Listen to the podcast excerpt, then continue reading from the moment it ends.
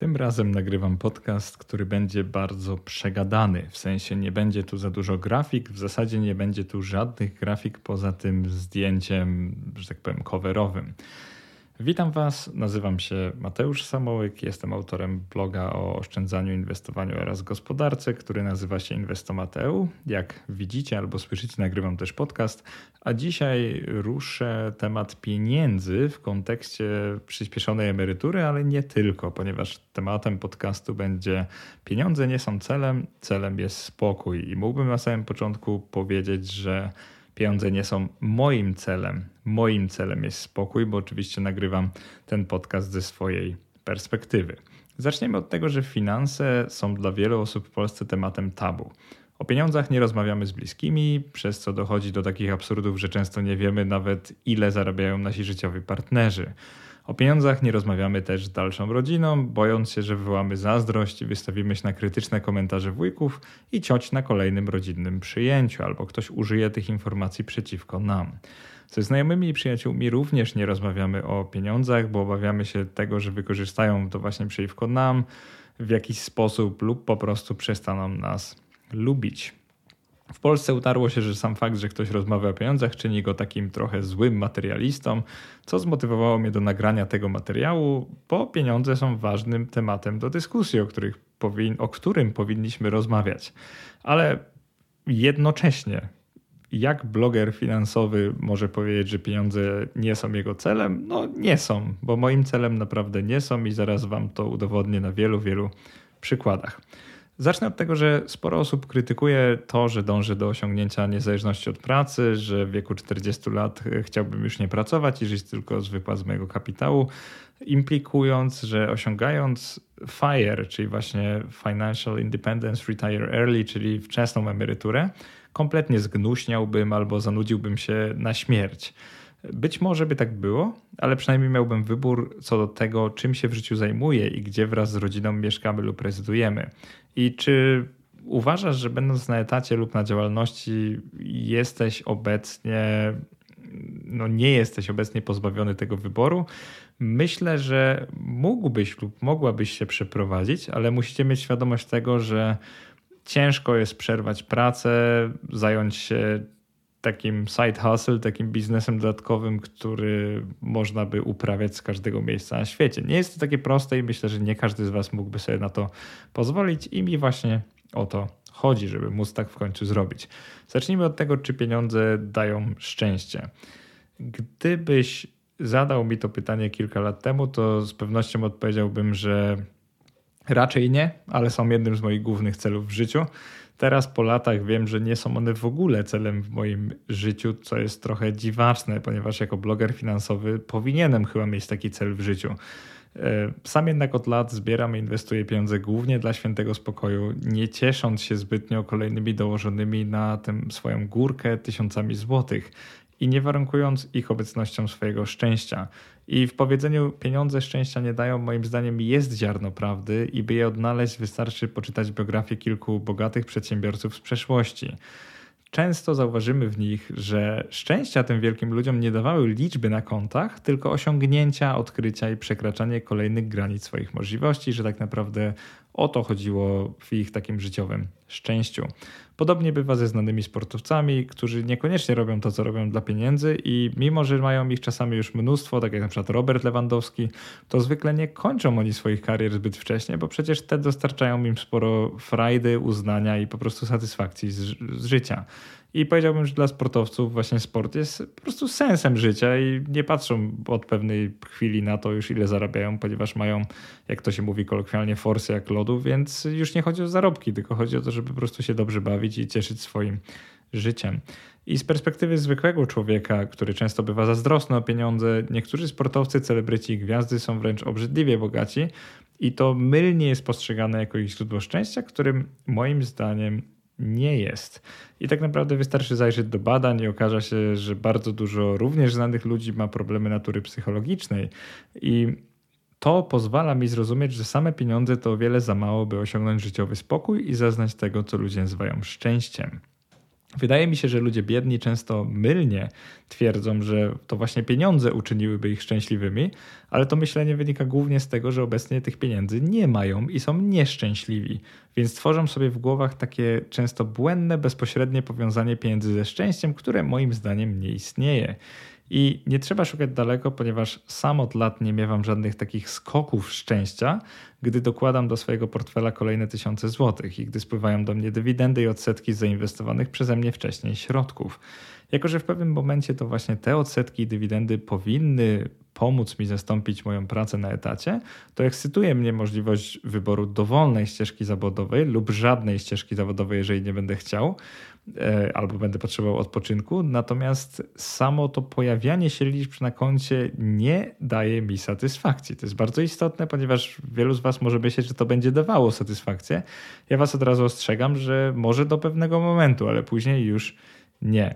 I pewnie jako odbiorca moich materiałów nie tak wyobrażałeś sobie mnie, czyli Mateusza Samołyka, ale jeżeli poznałbyś mnie, gdy kończyłem studia, to dowiedziałbyś się, że byłem książkowym przykładem takiego korposzczura, który karierę stawiał na pierwszym miejscu, a inne rzeczy na dalszych miejscach. I teraz opiszę Ci, jak dołączyłem do wyścigu szczurów i co to otworzyło w mojej głowie, jakie myślenie mi to dało. Niektórych podcastach w ramach Inwestomateu opisywałem już fragmenty mojej historii, ale celowo chyba pomijałem na razie w tych opowieściach szczegóły lat poprzedzających założenie tego bloga. Z perspektywy czasu, bo pisząc to mam już skończone 33 lata, więc pracuję zawodowo już od ponad 9 lat, bo właśnie od tylu lat już e, jestem po studiach, widzę, że jeszcze kilka lat temu byłem typowym pracownikiem korporacji, czyli taką osobą, której zależało przede wszystkim na uznaniu przełożonych i współpracowników, na awansach, na zrobieniu tak zwanej kariery i na byciu docenionym w dużej organizacji. Robiłem to dla zarobków, dla sprawdzenia się, ale też trochę dlatego, że wyrosłem w kulturze porównywania się do innych. Zresztą w Polsce kto nie wyrósł w takiej kulturze, tak zupełnie będąc szczerym. W takiej kulturze znaczenie ma przede wszystkim wykształcenie, praca, zarobki i to, jak się prezentujesz innym ludziom. I myślę, że życie w Szwecji zmieniło mnie na lepsze, co później opiszę, ponieważ pokazało mi inną ścieżkę, inną drogę życia, w której nie musisz aż tak się przejmować tym, co myślą o tobie inni. Sam kierunek studiów, czyli automatykę i robotykę, wybrałem nie dlatego, że to była moja pasja, tylko dlatego, że wydawała mi się ona przyszłościowa i statystycznie dyplom ten dawał w 2008 roku, czyli kiedy zaczynałem studia, ponadprzeciętne zarobki, czyli zauważcie, że taki analityczny i przywiązany do liczb byłem tak naprawdę od zawsze.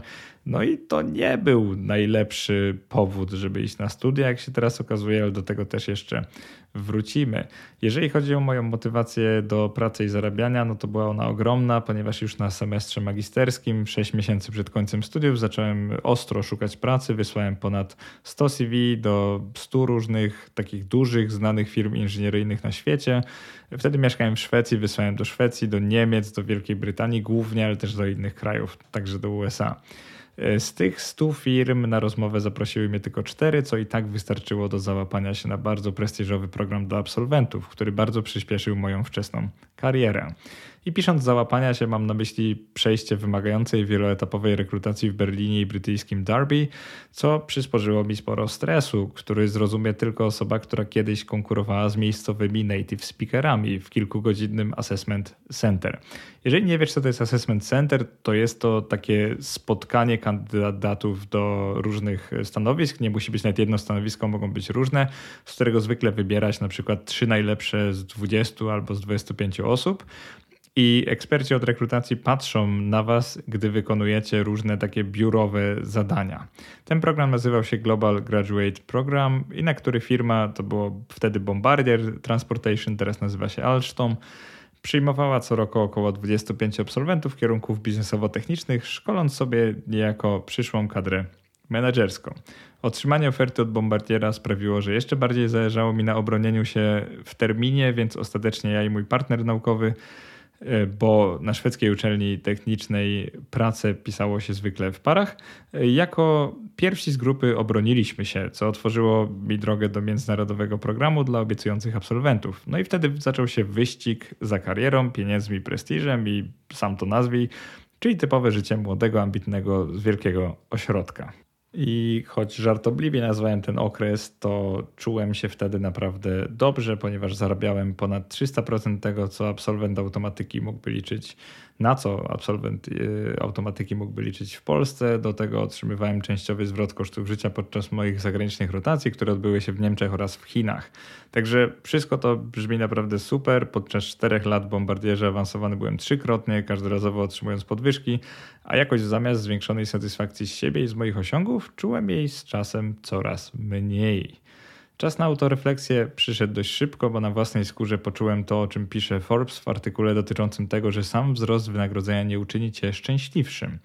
Moim problemem było wtedy to, że wzrost odpowiedzialności był znacznie szybszy i kompletnie nieproporcjonalny ze wzrostem wynagrodzenia. Czyli jako 27-latek czułem, że jestem odpowiedzialny za 80-osobowy projekt, mimo że oficjalnie byłem tylko prawą ręką jego szefa, no to w praktyce ta odpowiedzialność bardzo mocno ciążyła na mnie.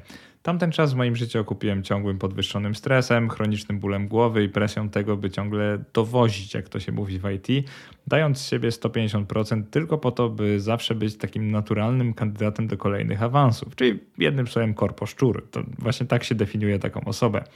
Pewnym momencie jednak poznałem bardzo mądrego człowieka, współpracownika w podobnym wieku, który pomógł mi kompletnie przebudować moje myślenie o pracy, niejako wyzwalając z tego chorobliwego wyścigu z samym sobą.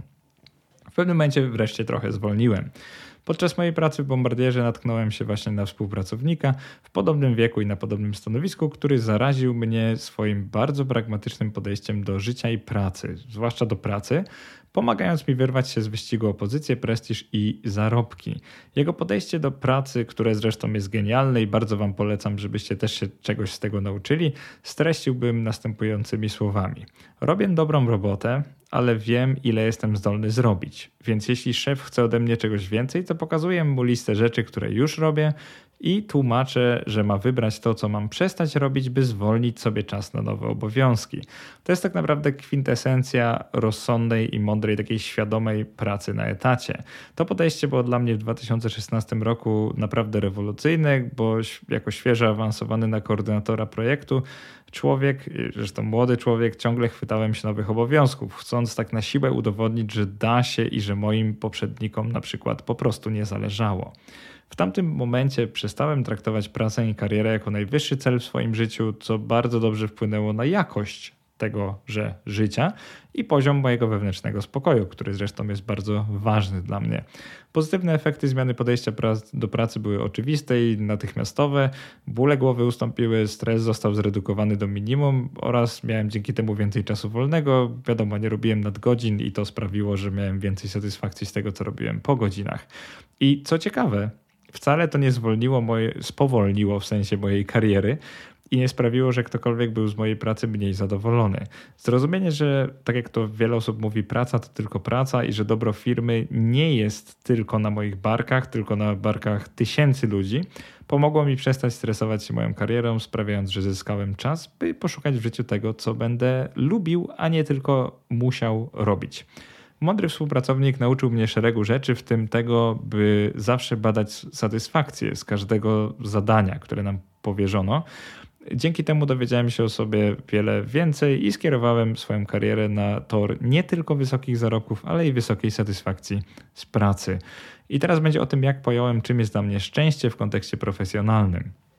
Skoro już przy satysfakcji z pracy jesteśmy, to często kompletnie ignorujemy ten czynnik i nie zastanawiamy się nad tym, które obowiązki są naszymi ulubionymi. I tu robi się bardzo ciekawie, bo gdy pełniłem obowiązki prawej ręki szefa, to często przypadało mi wdrażanie nowych pracowników do projektu, które z początku wykonywałem dość niechętnie. Zauważcie, że nauczenie nowych ludzi w pracy zwykle wykonujemy niechętnie, więc y, tym bardziej zdziwiłem się, że z czasem, jak zauważyłem, że efekty moich y, instrukcji, tutoriali, takich można nazwać szkoleń, są bardzo dobre i dzięki temu, że moje instrukcje są właśnie takie inżynierskie, krok po kroku, to nowi pracownicy wdrażają się w swoje obowiązki szybciej niż kiedykolwiek wcześniej. I właśnie w ten sposób zupełnie przypadkowo odkryłem, że naprawdę lubię uczyć innych ludzi różnych umiejętności. I mam do tego zwykle naprawdę sporo cierpliwości, a przecież cierpliwość jest tutaj kluczem. I to było w moim życiu prawdziwym przełomem w podejściu do życia i pracy i początkiem chyba czegoś większego niż ja sam. Bo nie dość, że mi to dobrze wychodziło, to jeszcze miałem z tego tak dużą frajdę. I tak zdecydowałem yy, się wykonywać prace bardziej polegające na koordynacji zespołu oraz nauce nowych ludzi niż na takim dowożeniu samemu przez się. Po prostu zauważyłem, że mi to sprawia więcej radości.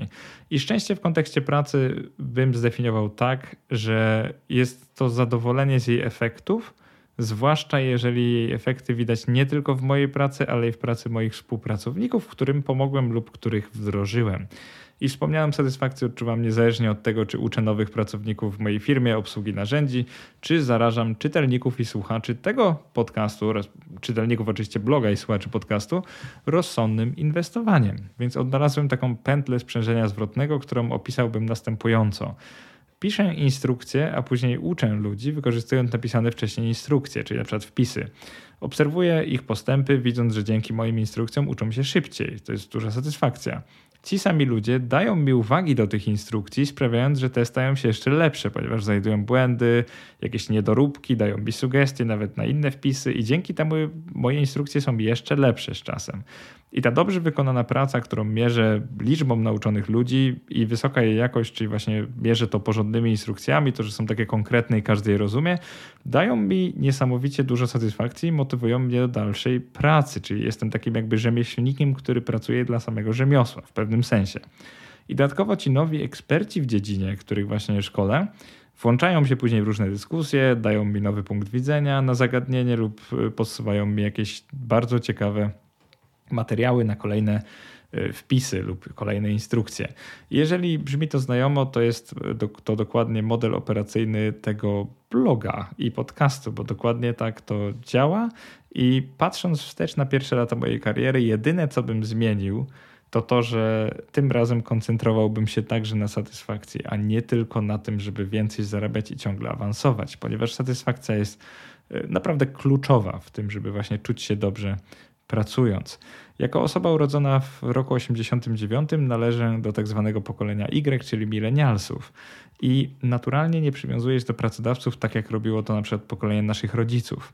Milenialsi też zwykle pracują by żyć, czyli skrajnie zarobkowo, co zazwyczaj sprawdza się praktyce. Mimo to uważam, że człowiek podejmujący się danej pracy powinien ją wykonywać solidnie i chociaż próbować czerpać z niej satysfakcję.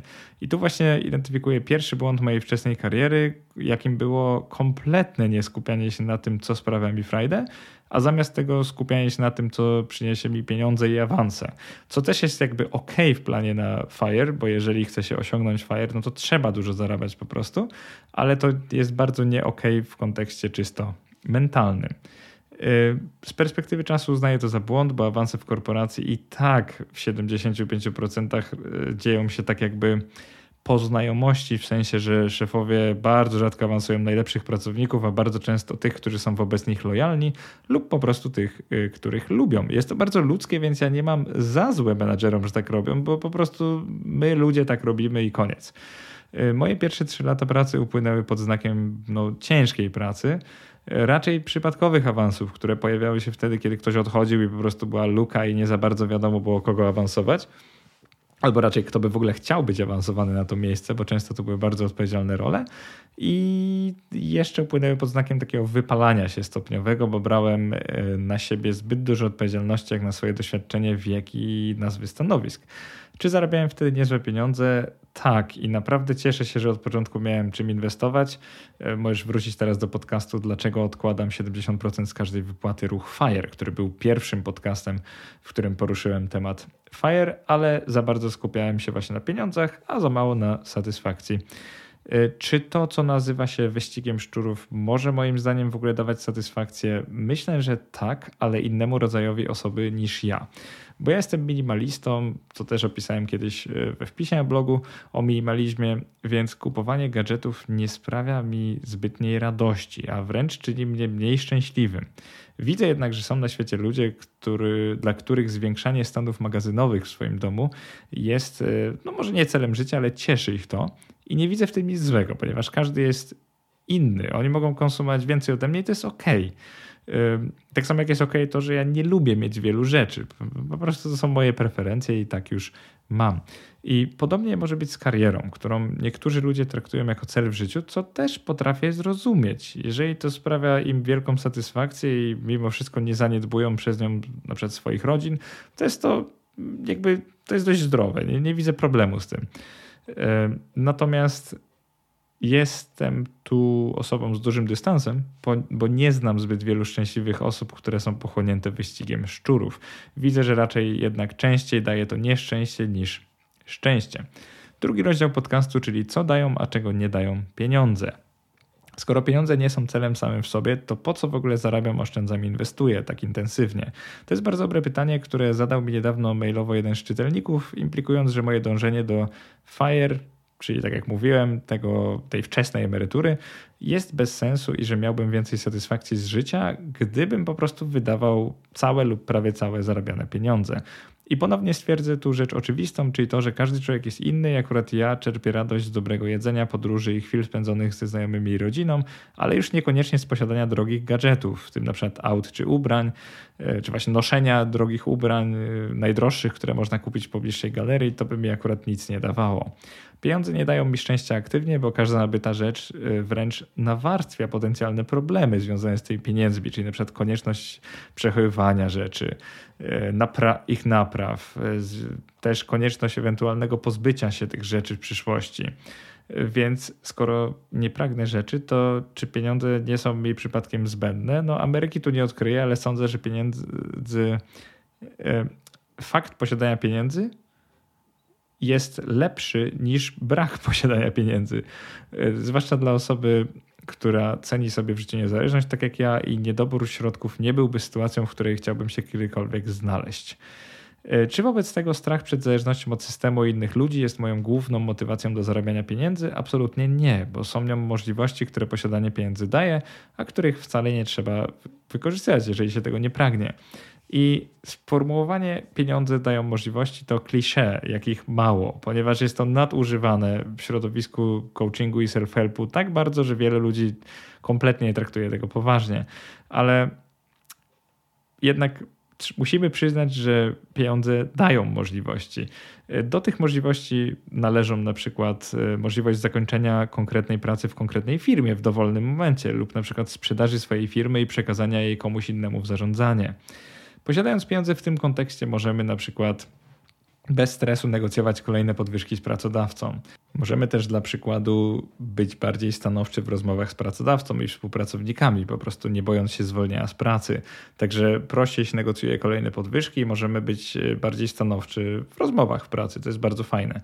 E, też możemy być bardziej szczerzy w pracy, uczciwie przyznając co nas kręci, a co nie, dzięki czemu może będziemy robić rzecz, która bardziej nas satysfakcjonuje, a mniej będziemy się bać zwolnienia i takiego przekazania szczerego feedbacku swoim przełożonym.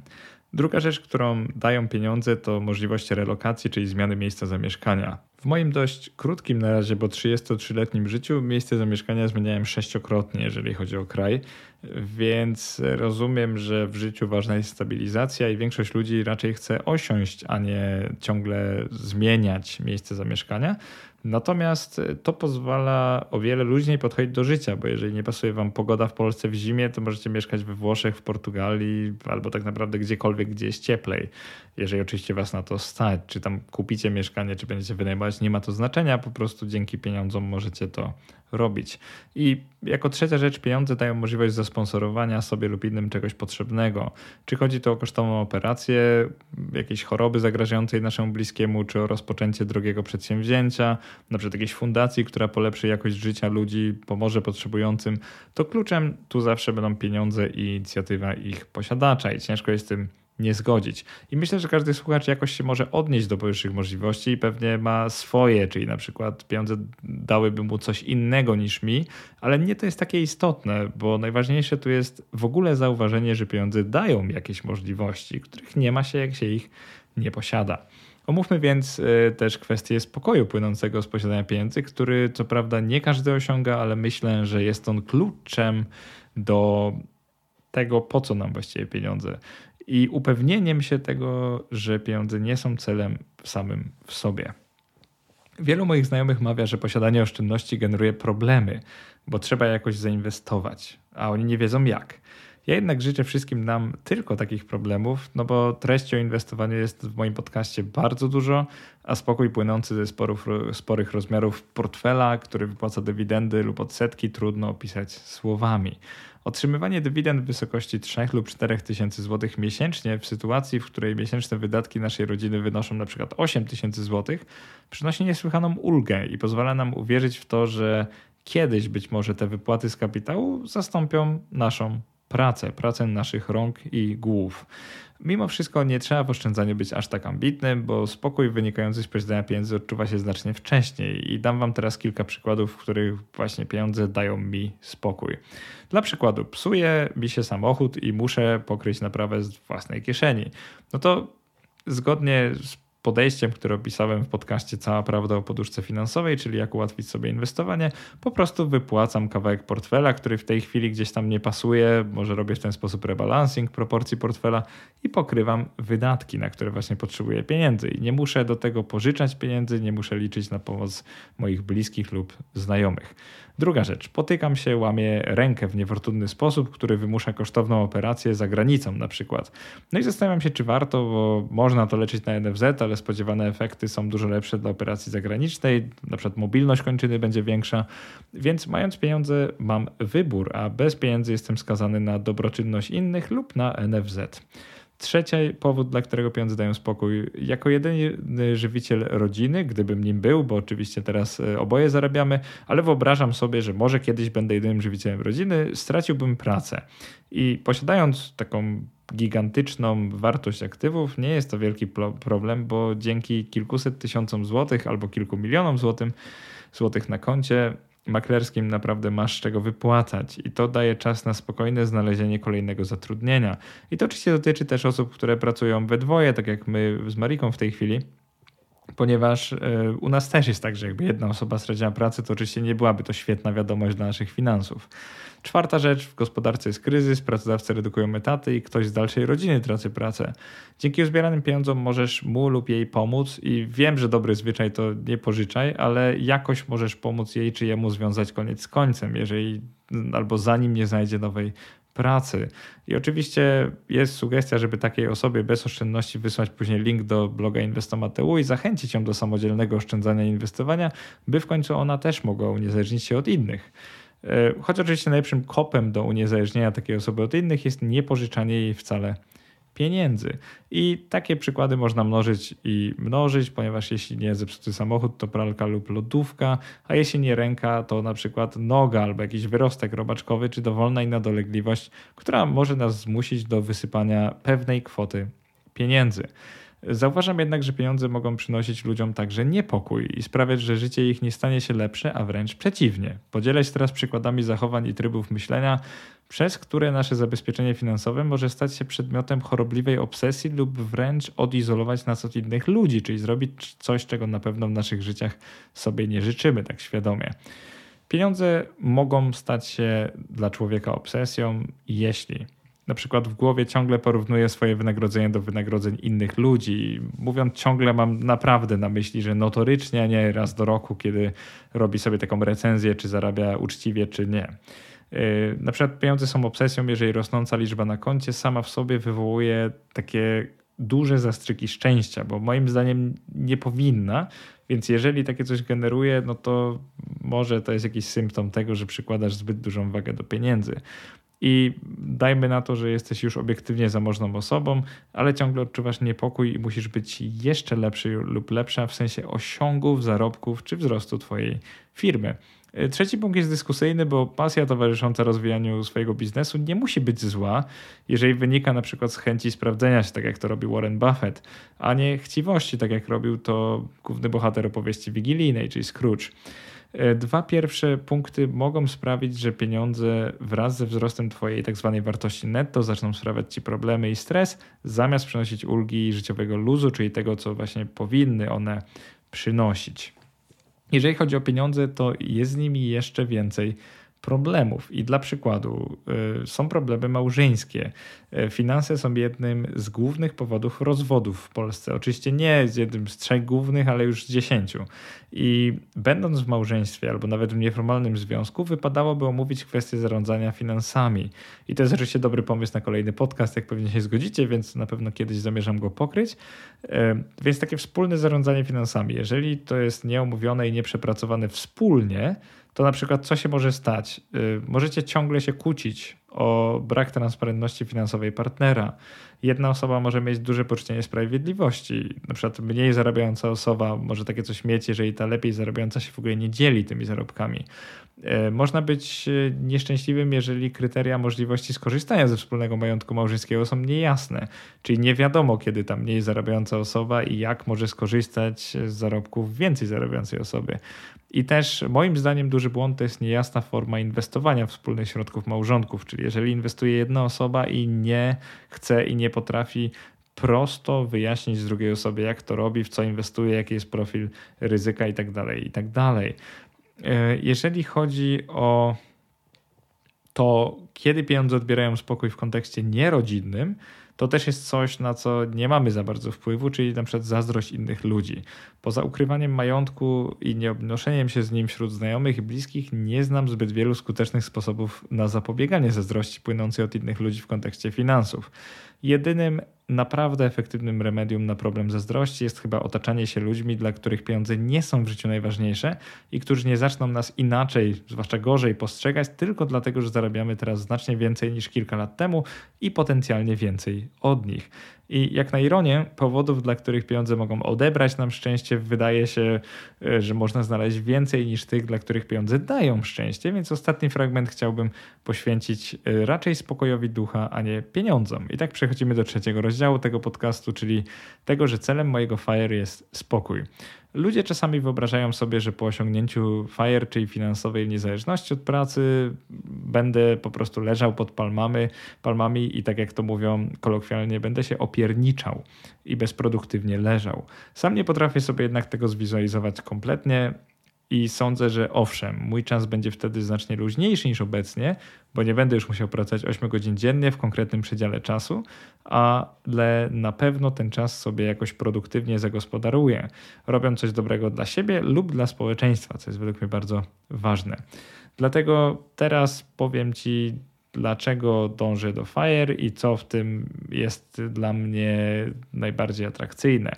E, dobrym początkiem i zarysem sytuacji będzie to, że wielu krytyków FIRE twierdzi, że przez niepracowanie ludzie z czasem gnuśnieją lub wręcz głupieją, a dla mnie piękno FIRE polega na, nie na tym, że muszę się zwolnić z pracy, ale że nic nie muszę, a wszystko mogę, czyli po prostu mogę pewnego dnia zdecydować się, zmieniam pracę i zacząć zupełnie inną ścieżkę zawodową, gdzie zarobki już nie będą najważniejszym e, z kryteriów doboru tej pracy. I właśnie to, że niczego nie musisz, a wszystko możesz, jest kluczem do zrozumienia ruchu FIRE i tym, co motywuje mnie do oszczędzania 70 lub nawet 80% z każdej mojej wypłaty i inwestowania tego rozsądnie na giełdzie. By sprawdzić, czy już także ty jesteś w tym spokojnym miejscu, zadaj sobie następujące pytania. Na przykład, czy możesz wziąć 3 miesiące wolnego, na przykład nad, e, na opiekę nad dzieckiem, nie musząc przejmować się pieniędzmi i ciągłością kariery? Jeżeli tak, to jesteś na dobrej drodze do osiągnięcia świętego spokoju. Druga rzecz, czy możesz wziąć udział w tygodniowym szkoleniu z dowolnej dziedziny, mimo że nie masz już w tym roku wolnych dni urlopu, a tematyka bezpośrednio dotyczy Twojej pracy? Zakładam, że większość z nas nie może, ale jeżeli możecie, to jesteście w tym szczęśliwym i spokojnym miejscu, w którym ja chciałbym się kiedyś znaleźć. Kolejne pytanie: czy możesz popracować kolejne dwa miesiące za granicą w dowolnym kraju bez problemów ze strony pracodawcy? Oczywiście zakładając, że w tych godzinach, w których musisz pracować, będziesz się wdzwaniać na wszystkie potrzebne spotkania i będziesz obecna i będziesz pracować. Czy możesz przeprowadzić się do innego miasta, na przykład w Polsce, zachowując swoje obecne zajęcie? I wiem, że wielu czytelników i czytelniczek tego bloga pracuje zdalnie, ale mimo wszystko jest to przywilej tylko niewielkiej grupy ludzi, więc większość z Was pewnie nie może tak pracować. I osiągając FIRE, żadne z powyższych nie byłoby większym problemem. I abstrahując od tego, że niektórzy mogą zauważyć, że prowadzenie własnej firmy również umożliwia część z powyższych, to FIRE można uznać właściwie za prowadzenie mini funduszu inwestycyjnego i życie ze środków, które ten wypłaci. I na sam koniec podcastu chciałbym Cię zapytać o to, co Ty myślisz o ruchu FIRE. Czy jest to według Ciebie nierealistyczny plan, którego w naszym kraju nie da się wprowadzić w życie i to nie jest rozsądny plan i jest to w ogóle głupie i dziwisz mi się, że to robię? Czy może widzisz FIRE jako konieczność ciągłych wyrzeczeń i bólu, a może widzisz to jako coś otwierającego wkrótce niesamowite możliwości właśnie w tej dalszej części życia. Jak ty podchodzisz do FIRE w tym kontekście odejścia z wyścigu szczurów i wypisania się z festiwalu konsumpcji, który tak bardzo dotyka dzisiejsze społeczeństwo, przynajmniej moim zdaniem? Jestem bardzo ciekaw Twojej opinii, którą zachęcam do podzielenia się w komentarzach pod wpisem lub na YouTubie pod filmikiem. I coś czuję, że tym razem będziemy mieli naprawdę ciekawą dyskusję, bo tu się trochę uzewnętrzniłem i powiedziałem Wam trochę więcej o sobie. Bardzo dziękuję. To był jak zwykle Mateusz z podcastu Inwestomat i do następnego. Cześć.